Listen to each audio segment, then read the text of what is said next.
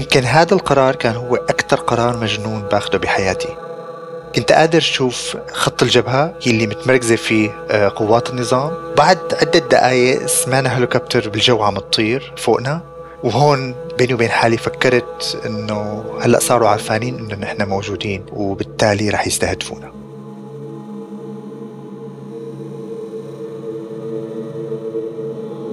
كان أيلول سبتمبر 2013 شهرا حاسما في سوريا إذ وقع فيه النظام السوري على اتفاقية الأسلحة الكيماوية لتبدأ مهمة تدمير مخزونها من الأسلحة الكيماوية.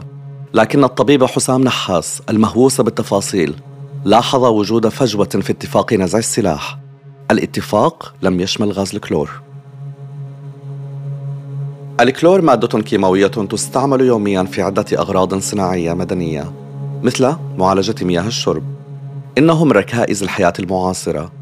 وهذا يعني أنه ليس خاضعا للرقابة بموجب اتفاقية الأسلحة الكيماوية. لكن هذه المادة يمكن أن تستخدم كسلاح. فقد كان غاز الكلور أول سلاح كيماوي مستخدم في الحرب العالمية الأولى. ويسبب التعرض المفرط للكلور صعوبات شديدة في التنفس. تهيج الجلد التقرحات الإقياء وعدم وضوح الرؤية. أما الجرعات عالية التركيز فقد تكون قاتلة. مثل معظم الغازات السامة ينتشر الكلور في كل مكان فهو أثقل من الهواء يهبط إلى الأسفل ويتسرب إلى الملاجئ تحت الأرض. لكن هذا الغاز صعب الملاحقة وغالبا ما يصعب إثبات استخدامه حتى أن العديد من أعراض التعرض للكلور غير محددة. ويمكن أن تعزى إلى أسباب أخرى كما يصعب تمييزها في الصور الفوتوغرافية والأفلام. وهكذا كان الكلور سلاحا مثاليا بالنسبة لنظام عازم على ترويع شعبه وإخضاعه دون أن تلاحقه حكومات العالم وإعلامه المتحفزين. توقع الدكتور حسام خطوة نظام الأسد التالية. منذ ربيع 2014 وصلت تقارير شبه يومية عن قيام طائرات عمودية تابعة للقوات الجوية السورية بإلقاء براميل متفجرة مليئة بما يبدو أنه عبوات كلور. أضافت هذه المادة بعدا جديدا من الرعب إلى صوت اقتراب الطائرة هل ستكون قنبلة تقليدية أم هجوما بالكلور؟ هل سيكون المدنيون أكثر أمانا في الملاجئ تحت الأرض أم عليهم الركض إلى أسطح المنازل؟ كان وضعا مرعبا وبما أن انتباه العالم كان مشتتا بسبب نزع أسلحة الأسد الكيماوية الأخرى لم تنتبه إلا قلة قليلة إلى الوحشية الأكثر هدوءا للكلور سيأخذ حسام وزملاء السوريون شجعان على عاتقهم مهمة توثيق هذه الجرائم الجديدة وسيكلف هذا البعض منهم حياته.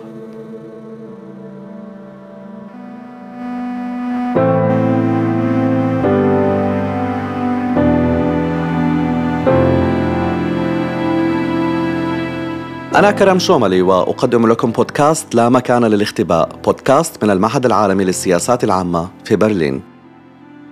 في ربيع عام 2014 كانت فرق نزع السلاح تتجول في أنحاء سوريا لتفكيك المخزون الكيماوي المعلن في البلاد بينما أبقى نظام الأسد سلاحا خبيثا آخرا في جعبته. شرعت طائرات الهليكوبتر الحكومية في حملة جديدة من الضربات الجوية وذلك باستخدام مادة الكلور الكيماوية الصناعية. ثلاثة مواقع في سوريا تعتقد هيومن رايتس واتش أن مروحيات النظام السوري ألقت عليها براميل متفجرة مزودة بأسطوانات من غاز الكلور وهي كفرزيت في ريف حماة والتمانعة وتل منس في ريف إدلب. كان النظام يعلم أن الكلور المستخدم عادة في تنقية المياه غير مشمول باتفاق نزع السلاح وأن الغاز متاح. وأنه من الصعب إثبات استخدامه. كما عرف أيضا أن الكلور أقل فتكا من غازات الأعصاب الأخرى. وبما أن العالم يراقب النظام عن كثب فقد كان الكلور فعالا. يمكن للكلور بالتأكيد أن يرعب السوريين ويخرجهم من منازلهم ومخابئهم. لكنه كان من المستبعد تماما أن يتسبب في وفيات جماعية تلفت نظر وسائل الإعلام الدولية. وهكذا تابع مفتشو منظمة حظر الأسلحة الكيماوية تدمير منشآت الأسد الكيماوية والذخيرة والمخزونات المعلنة بينما استأنف جيش الأسد بهدوء تكتيكاته السامة. بين عامي 2014 و2019 تم استخدام الكلور 228 مرة على الأقل. وإذا نظرت إلى الخريطة التفاعلية للأسلحة الكيماوية على موقعنا على الإنترنت سترى أن الهجمات تركزت في المناطق الشمالية الغربية من إدلب وحما. كانت هذه المناطق معاقلا لقوات المعارضة فالبلدات والقرى في إدلب وحما كانت من أوائل المناطق الثائرة ضد الحكومة. ولهذا كان على المدنيين المحليين دفع الثمن. استهدفت بعض المناطق بالكلور عدة مرات لدرجة أنها لم تعد تحصي الهجمات. ولم يبقى خيار أمام آلاف السوريين سوى الفرار. وما أن يهجروا مدنهم وقراهم حتى تتمكن قوات النظام من اجتياحها دون مقاومة تذكر. في نيسان أبريل كانت أم محمود جالسة خارج منزلها في كفر زيتا وهي بلدة صغيرة في محافظة حماة أم محمود كانت تشرب الشاي. بعد دقائق أصبحت أم محمود واحدة من أوائل ضحايا رعب هجوم بالكلور.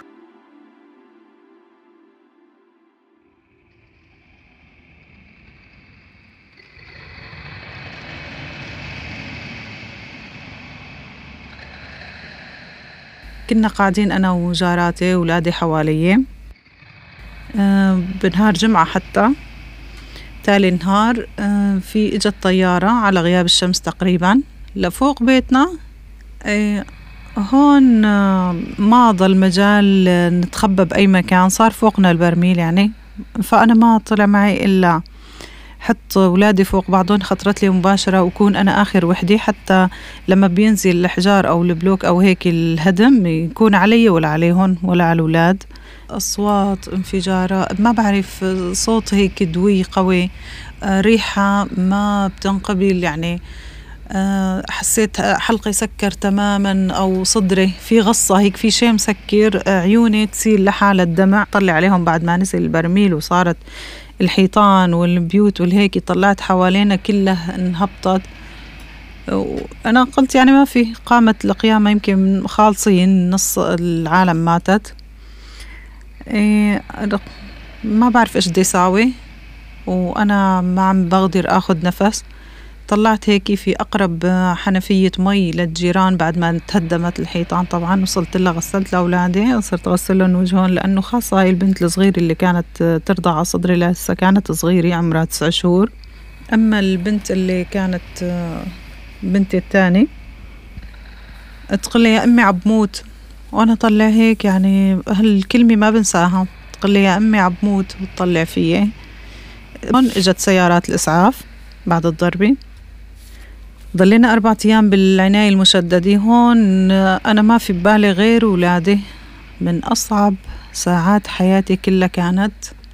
الساعة هاي, هاي الأربع أيام اللي كانت دمعتي أبدا ما وقفت أبدا. طول الوقت وأنا عم فكر بس بولادي كيف بدي يصير فيهم. نجت أم محمود وأبنائها الثلاثة مريم وطه وراما لكن حياتهم لن تعود أبدا كما كانت. أصيبت أم محمود بالاكتئاب الشديد ولم تتوقف عن البكاء المتواصل لأيام. كما تردد صدى صوت البرميل المتفجر في أحلامها مرارا وتكرارا. عندما تعافت أصرت على مغادرة عائلتها منزلهم في كفر زيتا وهي التي كانت تعتقد أنها تفضل الموت على معاناة إهانة مخيم للنازحين. لكن ضربة الكلور غيرت كل ذلك. في صيف 2014 حزمت أم محمود وعائلتها أمتعتهم وانتقلوا إلى مخيم للنازحين قرب الحدود التركية وهم يعيشون هناك منذ ثمان سنوات.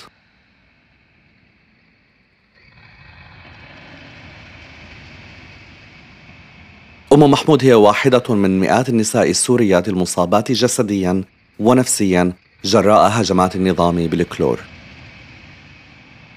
إن آثار الأسلحة الكيماوية بالغة على أي إنسان، لكنها في سوريا كانت واضحة بشكل خاص بين النساء.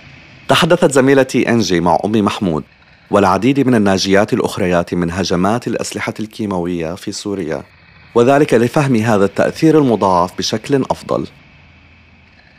ما يغيب عن أذهان الغالبية هو أن النساء حوالي نصف ضحايا هجمات الأسلحة الكيميائية في سوريا على الرغم من عدم مشاركتهن في أي قتال أحد الأسباب الرئيسية لذلك هو أن النساء كانوا على الأرجح في المنزل مع وجود الرجال في كثير من الأحيان على الخطوط الأمامية أو في عداد المفقودين أو المسجونين أو القتلى وهكذا كان معظم المتواجدين في الأحياء السكنية التي استهدفتها الهجمات الكيميائية من النساء، الأطفال وكبار السن. كما كانت النساء أيضا أكثر تعرضا للمعاناة من أعراض حادة بسبب الجرعة الكثيفة من المواد الكيميائية. من حيث المبدأ الخطوة الأولى لإسعاف شخص تعرض لغاز سام هو خلع ملابسه وفي حالة الكلور قم بغمره بالماء في البلدات والقرى المحافظة نسبيا التي تعرضت للعديد من هذه الهجمات لن يتعامل الناس بمرونة مع فكرة تجريد النساء من الملابس.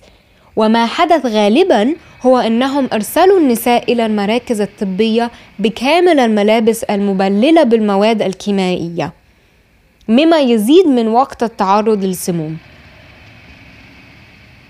وعندما وصلت النساء إلى النقاط الطبية كان هناك عدد أقل من المسعفات للمعالجة. ما زاد من وقت التعرض.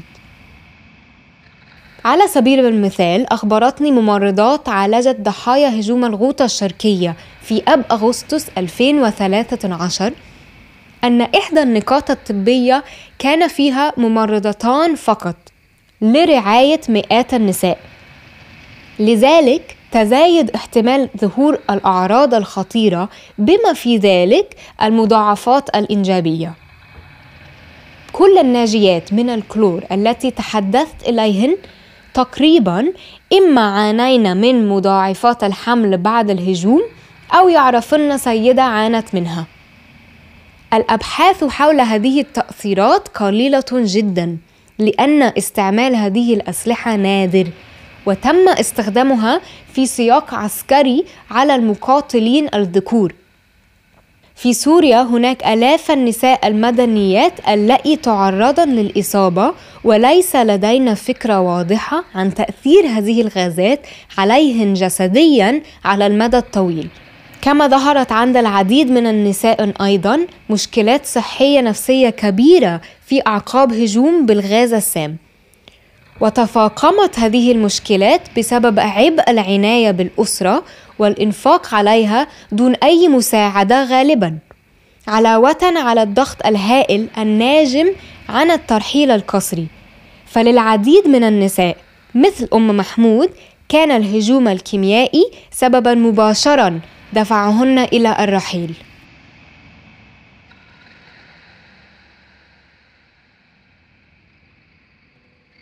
صمم حسام على أن يعرف العالم ما كانت تعانيه أم محمود وآلاف السوريين الآخرين. كان يعمل حينها في مدينة غازي عنتاب جنوب تركيا. حيث يقود فرقة عمل تنسق الرد على الهجمات غير التقليدية في سوريا. بما في ذلك الضربات الكيماوية. واقتضى عمله هذا اتصالا وثيقا بالعاملين في القطاع الطبي والمنظمات في جميع أنحاء البلاد. مع تدفق المزيد والمزيد من التقارير عن هجمات غاز الكلور قرر حسام أن الوقت قد حان لجمع الأدلة. بهديك الفترة لأني كنت بتركيا كان إلي وصول أكثر لمعلومات من شمال سوريا بما فيها حماة وإدلب وحلب. وبهديك الفترة كمان بلشنا نسمع عن آه، أخبار حول استخدام الكلورين. فتواصلت مع بعض الكوادر الطبية اللي موجودة آه، بالمنطقة وحكينا عن آه، الأدلة اللي ممكن نجمعها آه، كيف ممكن نجمعها وكيف رح تفيدنا حتى نثبت إنه فعلا عم يتم استخدام الأسلحة الكيميائية بالبلد. وهذا كان واحد من أكثر القرارات المجنونة اللي باخدها بكل حياتي اللي هو إني أدخل على سوريا أجمع الأدلة وأرجع أطلع فيها برات سوريا. كان حسام على دراية تامة بالمخاطر الهائلة التي تنتظره. ومع ربيع 2014 اندلع قتال عنيف في إدلب وحما بعد أن حاولت قوات المتمردين تحرير مدينة خان شيخون الاستراتيجية. رد النظام بهجمات مضادة وحملات قصف كما انتشرت عمليات اختطاف واغتيال منتظمة للصحفيين والنشطاء. كذلك ظلت الطواقم الطبية العاملة في هذه المناطق أهدافا رئيسية لقوات الأسد. أما أي شخص يحاول جمع أدلة على المزيد من الضربات الكيماوية كان عدو النظام الأول في غالب الأحيان. وبما أن حسام سيغامر بحياته لإثبات وقوع هجمات الكلور هذه فالأجدر به أن يفعل هذا بالطريقة الصحيحة. وأخيرا هون آه تواصلت مع هامش. وفي هذه المرحلة تبدأ مساهمة هامش بريتن جوردن. لقد أمضى هامش أكثر من عقدين من الزمن في الرتب العليا في القوات المسلحة البريطانية وأصبح خبيرا في الحرب والحرب الكيماوية والبيولوجية. كما شغل منصب قائد الفوج البريطاني المشترك للمواد الكيميائية والبيولوجية والإشعاعية والنووية وقاد لاحقا كتيبة الرد السريع في مواجهة الأسلحة الكيماوية والبيولوجية والإشعاعية والنووية التابعة لحلف الناتو. بالنسبة لهامش لم تكن حماية المدنيين من أخطر أسلحة العالم مجرد وظيفة. كانت قضية وكانت هدف. يتحدث بهدوء ولكن في صلب الموضوع. جامعا دقة وتفاني ضابط في الجيش البريطاني بتعاطف ناشط في حقوق الإنسان. بدأ مذكراته المحارب الكيماوي بمقطع من قصيدة الحرب الشهيرة لويلفريد أوين Dulce et Decorum Est والتي تقارن رعب هجوم بالغاز في خنادق الحرب العالمية الأولى مع المثل العليا للتضحية من أجل الوطن الأم. تقاعد هامش من الخدمة عام 2011 لكنه لا يزال من المرجعيات الرائدة في العالم في مجال الأسلحة الكيماوية. وهكذا قدم الكثير من النصائح حول كيفية جمع وتعبئة وتوثيق الأدلة على ضربات الكلور حين أجاب على اتصال حسام في نيسان أبريل 2014 وكما كان الحال في تحقيقات أنجلا في الأمم المتحدة كان تسلسل الخطوات أمرا أساسيا وسيحتاج حسام إلى تسجيل كل خطوة في جمع الأدلة. أعتقد أن حسام اتصل بي في السابع عشر أو الثامن عشر من نيسان إبريل. كنت حينها أتزلج في فرنسا وكان الاتصال غريبا جدا. أنا أعرف جيدا كل ما يتعلق بخطوات جمع سلسلة الأدلة والمتطلبات القانونية وعلي الآن تدريب الناس عليها. الناس الذين عانوا كثيرا في إدلب وشرح أهمية تنفيذها بكل دقة. جمع الأدلة وضعها في حقيبة ثلاثية وتصويرها وباقي الإجراءات. لقد دربت الكثيرين وجها لوجه في المملكة المتحدة أو ألمانيا لكن تدريب أناس في الميدان تحت النار شيء مختلف تماما. أعتقد أنني أقنعت حسام وآخرين بأنه ما لم تكن لدينا سجلات تمكننا من التحقق من أن هذا دليل آمن تماما فلا قيمة للدليل على الإطلاق. رويدا رويدا تعلم حسام ورفاقه أفضل طريقة لجمع الأدلة على الهجمات الكيماوية. قبل عام كانوا يهربون العينات في أكياس القمامة والواقيات الذكرية. ببساطة في أي عبوة متاحة. أما الآن فقد فهموا ما قد يتطلبه الأمر لإقناع المجتمع الدولي. رسم حسام طريقه بعناية وحدد البلدات والقرى التي ضربها الكلور مؤخرا. كان يدخل سوريا من معبر باب الهوى الحدودي في الركن الشمالي الغربي من محافظة إدلب المدمرة. ومن هناك يقود سيارته بضع ساعات جنوبا إلى كفر زيتا مسقط رأس أم محمود. وبعد ذلك سيتجه إلى الشمال الشرقي نحو قرية تلمنس في إدلب. ثم يعود إلى معبر باب الهوى ومنه إلى تركيا. كل ذلك في يوم واحد. لقد كانت بالفعل رحلة محفوفة بالمخاطر. إذ تتعرض كل محطة من محطات التوقف المخطط لها لقصف يومي وكانت قوات الأسد تقترب كما انتشر الجواسيس في كل مكان. نتيجة تجربته السابقة في الاعتقال لدى النظام السوري لم يخف حسام من الموت المفاجئ والعنيف بمقدار خوفه من الاعتقال والسجن والتعذيب. في صباح الحادي والعشرين من نيسان أبريل عام 2014 وبينما كان حسام يستعد لجولة جديدة ضربت غارة كلور أخرى قرية تلمنس في إدلب. برميل غاز دكتور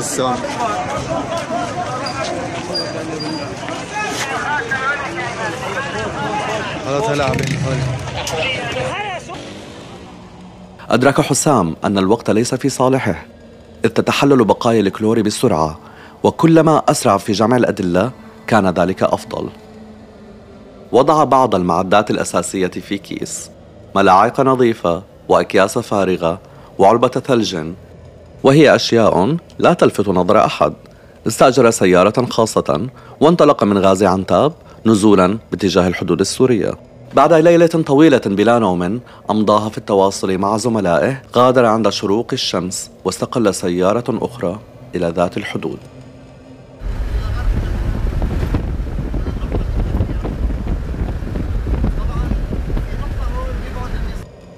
كان العبور سلسا بشكل مقلق وبدت بعض مراحله كأية رحلة عادية في مطار محلي لا كرحلة في منطقة حرب عنيفة. ختم حرس الحدود جواز سفره وانطلق برحلة قصيرة بالحافلة من جانب من المجمع الحدودي إلى الجانب الآخر. توقفت الحافلة وسار حسام حاملا أمتعته عبر البوابة إلى واحدة من أخطر المناطق في العالم. خلف الحدود استقبلته سيارة من مشفى باب الهوى التي يوجد فيها العديد من ضحايا هجوم تل منس حيث كان الأطباء بانتظاره وهم يعلمون أنه سيحتاج إلى تأمين الأدلة في أسرع وقت ممكن.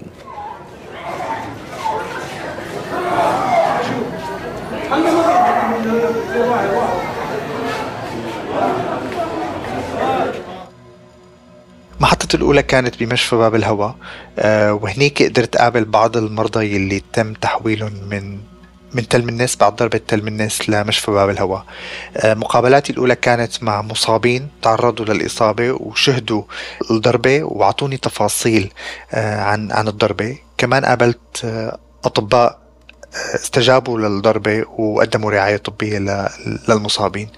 آه، شفت حتى صور آه، بما فيهم صورة الطفل اللي توفي بعد الضربة الثانية اللي استهدفت آه، قرية تل منيس وحتى قابلت أمه. أمه خلال المقابلة قالت لي إنه ابنها ما كان بده يروح على المدرسة ولكن هي أجبرته إنه يطلع. آه، وبعد ما طلع من البيت مباشرة آه، وكان لساته بالحديقة الأمامية للبيت سمعت صوت الانفجار. طلعت لحتى تشوف شو في وشافت ابنها قدامها وهو آه، عم ينهار ويوعى على الأرض. بعد هاي المقابلة كمان جمعت عينات عضوية من المصابين اللي ممكن إذا تحللت يلتقى فيها آثار لغاز الكلور. وأخذت هاي العينات كلها غلفتها تغليف ثلاثي وأمام الكاميرا ختمتها بشكل كامل وبعدين حطيتها ببراد آه، لحفظها.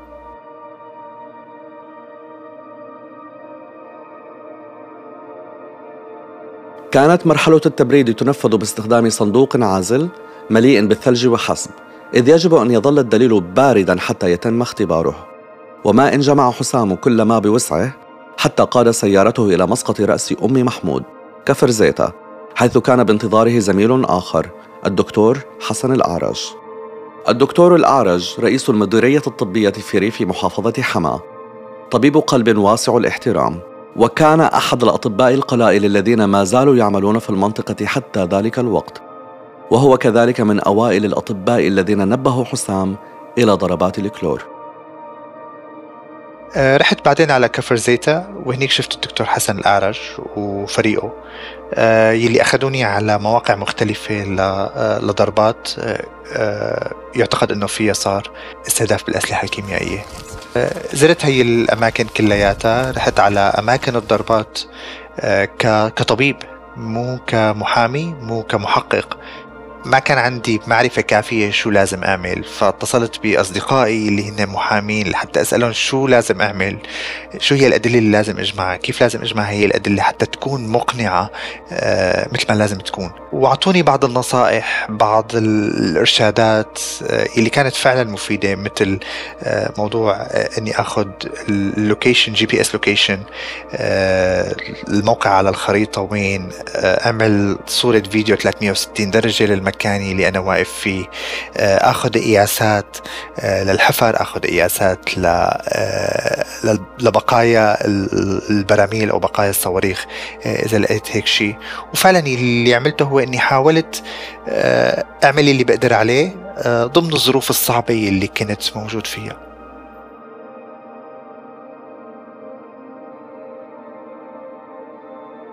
بينما كان حسام يدقق توثيقه ويصور موقع الغارة وعبوات الكلور المتناثرة على الأرض أدرك أنه كان مكشوفا كليا. بلحظة من اللحظات وقفت بمكان آه، بحيث لو زومت بالكاميرا كنت قادر أشوف قرية محردة آه، اللي كانت آه، تحت سيطرة النظام. كنت قادر أشوف المحطة الحرارية وكنت عرفان أنه قوات نظام موجودة هناك إذا استطاع حسام رؤية مناطق النظام فقوات النظام تستطيع رؤيته حتما. وكل ما يتطلبه الأمر هو لمحة من خلال منظار أو عدسة قناص ناهيك عن كونه أعزلا من أية معدات وقائية يستخدمها محققو الأسلحة الكيماوية الدوليون. لا مركبات مصفحة لا مرافقين لا تأكيدات أمنية حتى لا خوذة أو سترة واقية من الرصاص.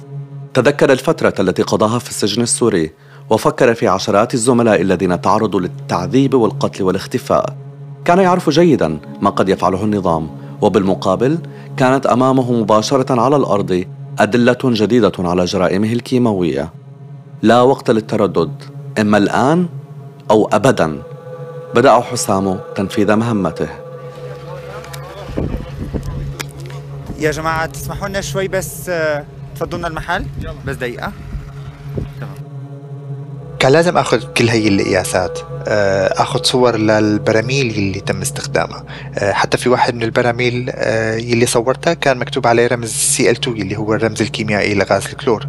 واستمريت عم بجمع كل هي التوثيقات آخذ قياسات للحفر اللي سببت الضربة آخذ عينات تربة من الأماكن اللي حصلت فيها الضربات.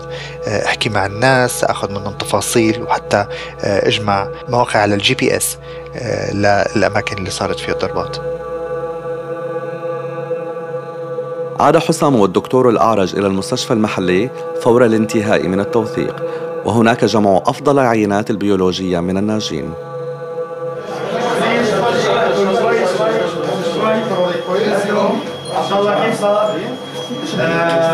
نجيبوا سيروم الحين يلا بسرعة جيبوا له سيروم اعطوه هيدروكورتيزون يلا. برد لون بيصير. يلا. آه، جمعت حتى آه، عينات حيوية من من المصابين مثل الدم والشعر. آه، حتى كان في في بنت صغيرة مصابة بواحدة من الضربات اللي استهدفت كفر زيتها. وبشكل ما قدر الكادر الطبي ياخذ عينة من شعرها اللي هي كل دنب الحصان اللي كان عندها. وحاطينه كانوا بكيس بلاستيكي. آه، لأنه البنت كانت متعرضة للكلورين وكانوا معتقدين أنه هذا الشعر ممكن يكون عليه آثار من هذا الكلورين. وضع حسام العينات في حقيبته ثم ودع الدكتور الأعرج مغادرا كفر زيتا بأسرع ما يمكن. ربي يبارك فيكم. الله يجزيكم كل خير ويوفقكم يلا سلام في تلك المرحلة توفرت أدلة مهمة لدى حسام لكنه ظل بحاجة مساعدة في فحصها عندما أخبرني حسام بأن علي أن آتي لأختبر العينات كنت أفكر يا إلهي كيف سأفعلها بحق السماء؟ هل يمكنني فعل ذلك؟ ثمة متطلبات إجرائية كثيرة. لهذا اتصلت بصحيفة الديلي تليغراف وقلت لهم هل تريدون هذه القصة الحصرية؟ إذا دفعتم تكاليف الطيران والفندق ستكون القصة ملككم. وهكذا حصلت على ما يلزمني واتجهت إلى المطار.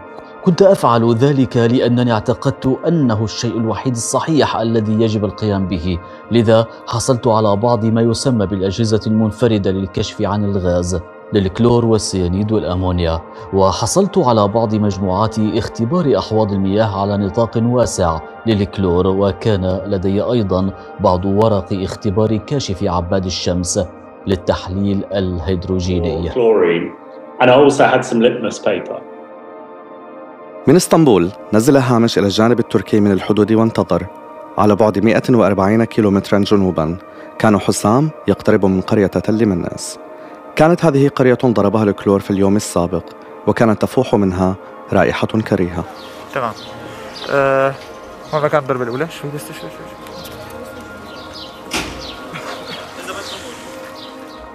أول ما دخلنا على القرية كان واضح آه، ريحة الكلور بالجو. يلي بتشبه ريحة آه، المسبح. آه، كان كتير كتير واضح إنه المنطقة تعرضت لغاز الكلورين أو إنه في مسبح كتير كتير كبير آه، بالمنطقة وإلا ما في خيار تاني حتى تكون الريحة يلي منتشرة بالجو كانت بهي القوة. اضطرينا نلبس آه، لباسنا الواقي لأنه آه، بلشت تظهر عنا بعض الأعراض التنفسية الخفيفة والبسيطة مثل تخريش التنفسي آه، ولكن ما كان ما كان الوضع سيء. وأول مكان رحنا عليه لما وصلنا على القرية كان هو بيت الجد يلي قابلته بباب الهواء. ولما فتت لحديقة بيته شفت ورق الشجر اللي كان ميت شفت العصافير اللي كانت ميتة آه، حتى شفنا البقرة اللي, اللي ماتت. آه، وكانت هي كلها مؤشرات إنه يلي صار هو مو مجرد استهداف آه، بسلاح تقليدي وما هو استهداف طبيعي.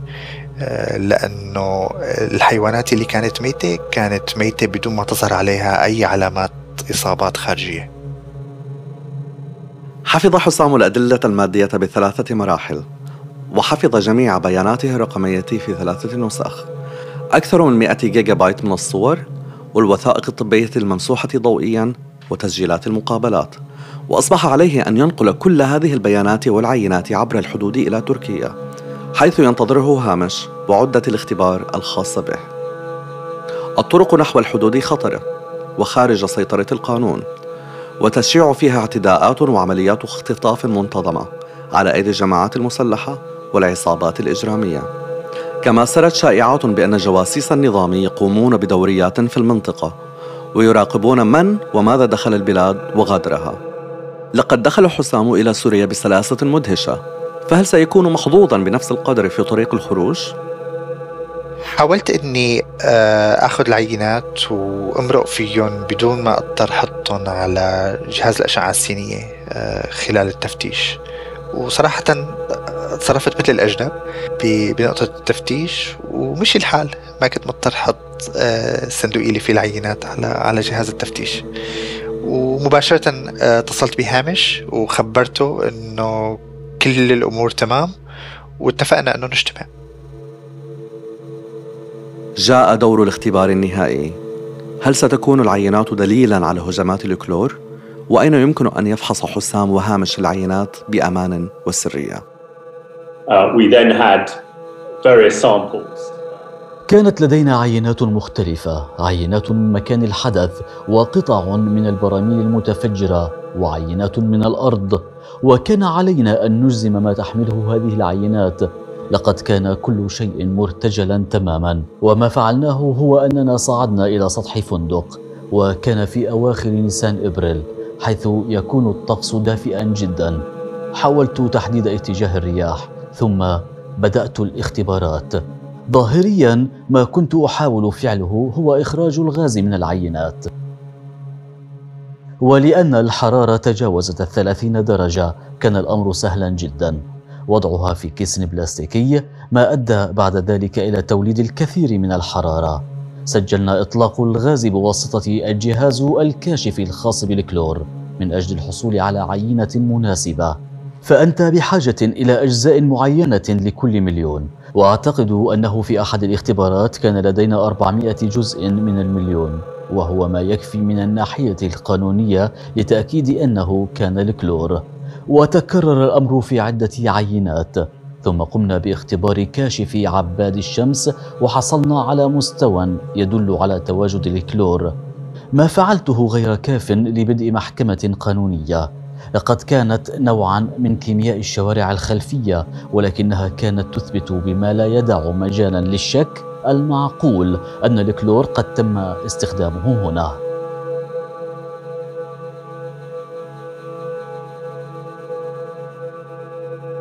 أمضى هامش وحسام أكثر من ساعتين على السطح في اختبار عينة تلو الأخرى ووثقت الصحفية روث شيرلوك من الديلي تيليغراف العملية برمتها.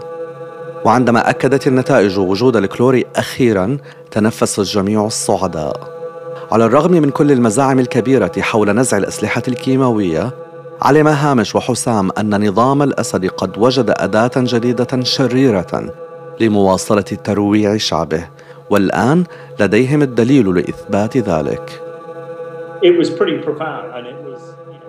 كان الأمر حساسا جدا. لقد عرف الجميع أن هذه كانت هجمات بالكلور بأسلحة كيماوية. نشرت الديلي تيليغراف قصتها الحصرية عن الضربات الكيماوية المستمرة في سوريا في يوم التاسع والعشرين من نيسان أبريل. وفي اليوم التالي حث رئيس الوزراء البريطاني الأمم المتحدة على التحقيق بما توصل إليه حامش وحسام. بالنسبة لريبيكا وكل الذين استثمروا وقتا وطاقة كبيرين في حملة نزع السلاح كانت النتائج محبطة للغاية وبات عليهم أن يعيدوا التفكير مع استمرار النظام في استخدام المواد الكيماوية كالسلاح.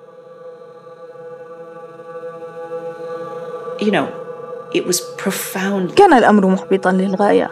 لا تصفه كلمة أخرى. كان محبطا للغاية. لكنني أعتقد أن مطالبات السياسيين في ذلك الوقت هي أننا بحاجة إلى الاستمرار في التركيز على القضايا ذات الأولوية القصوى ثم تحويل انتباهنا إلى القضايا الأخرى. كانت التعليمات واضحة. لذا عرفنا ما نحتاج إلى العمل عليه وهو إخراج غازات الأعصاب من النوع الحربي إلى خارج البلاد. الغازات التي يمكن أن تقتل أكثر بكثير مما يفعله الكلور في أيلول سبتمبر 2014 أكدت منظمة حظر الأسلحة الكيماوية أن الكلور يستخدم الآن ضد المدنيين السوريين وقد اعتمد تقريرهم في الغالب على الأدلة التي جمعها حسام نحاس والدكتور حسن الأعرج وهامش بريتون جوردن معظم الناس لم يسمعوا بأسمائهم من قبل لكن لولا جهودهم الجبارة لتوثيق استخدام الكلور لاختفت العديد من جرائم الأسد من التاريخ. بعد مرور عام في آب أغسطس 2015 أدى الغضب الدولي من استمرار الأسد في استخدام الأسلحة الكيماوية إلى قيام الأمم المتحدة ومنظمة حظر الأسلحة الكيماوية بإنشاء ما يسمى بآلية التحقيق المشتركة أو جيم والتي ستكون أقوى آلية حتى الآن للتحقيق في استخدام الأسلحة الكيماوية في سوريا. منحت جيم السلطة لتحديد الجاني الملوم بشكل واضح. لن يعيش الدكتور الأعرج ليرى العدالة تتحقق. فبعد تسعة أشهر فقط من إنشاء هذا الإطار الجديد للتحقيق أغتيل الدكتور الأعرج. لقد استمر في خدمة السكان في جميع أنحاء محافظة حما رغم القصف الحكومي المكثف. كما ظل منتقدا صريحا للنظام الذي استهدف المستشفيات والمرافق الصحية. مع اشتداد الهجمات نقل الدكتور الأعرج عائلته إلى تركيا. أما هو فبقي صامدا وواصل عمله في سوريا. في محاولة يائسة لحماية المرضى من القصف قام ببناء مشفى تحت الأرض في كهف بعمق عشرة أمتار. كل شهر قدم هذا المشفى حوالي أربعة آلاف استشارة وأجرى مئات العمليات الجراحية الكبرى وعالج العشرات من حالات الصدمات المرتبطة بالحرب وأجرى 140 عملية ولادة. في آذار مارس 2016 كان الدكتور الأعرج في طريقه إلى مستشفى الكهف عندما أصاب صاروخ موجه سيارته وقتله على الفور.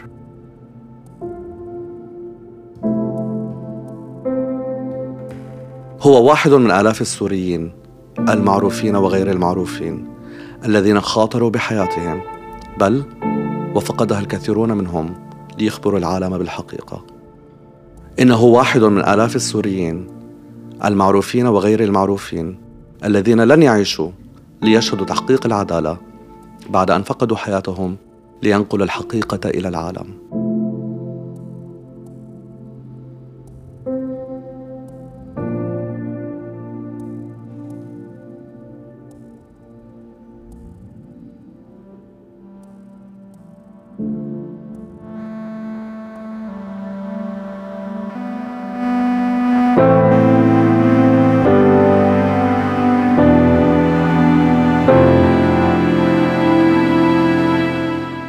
بودكاست لا مكان الاختباء من بحث وإنتاج كرم شوملي وتوبياس شنايدر إلايزا أبيرلي وإنجيل بكري.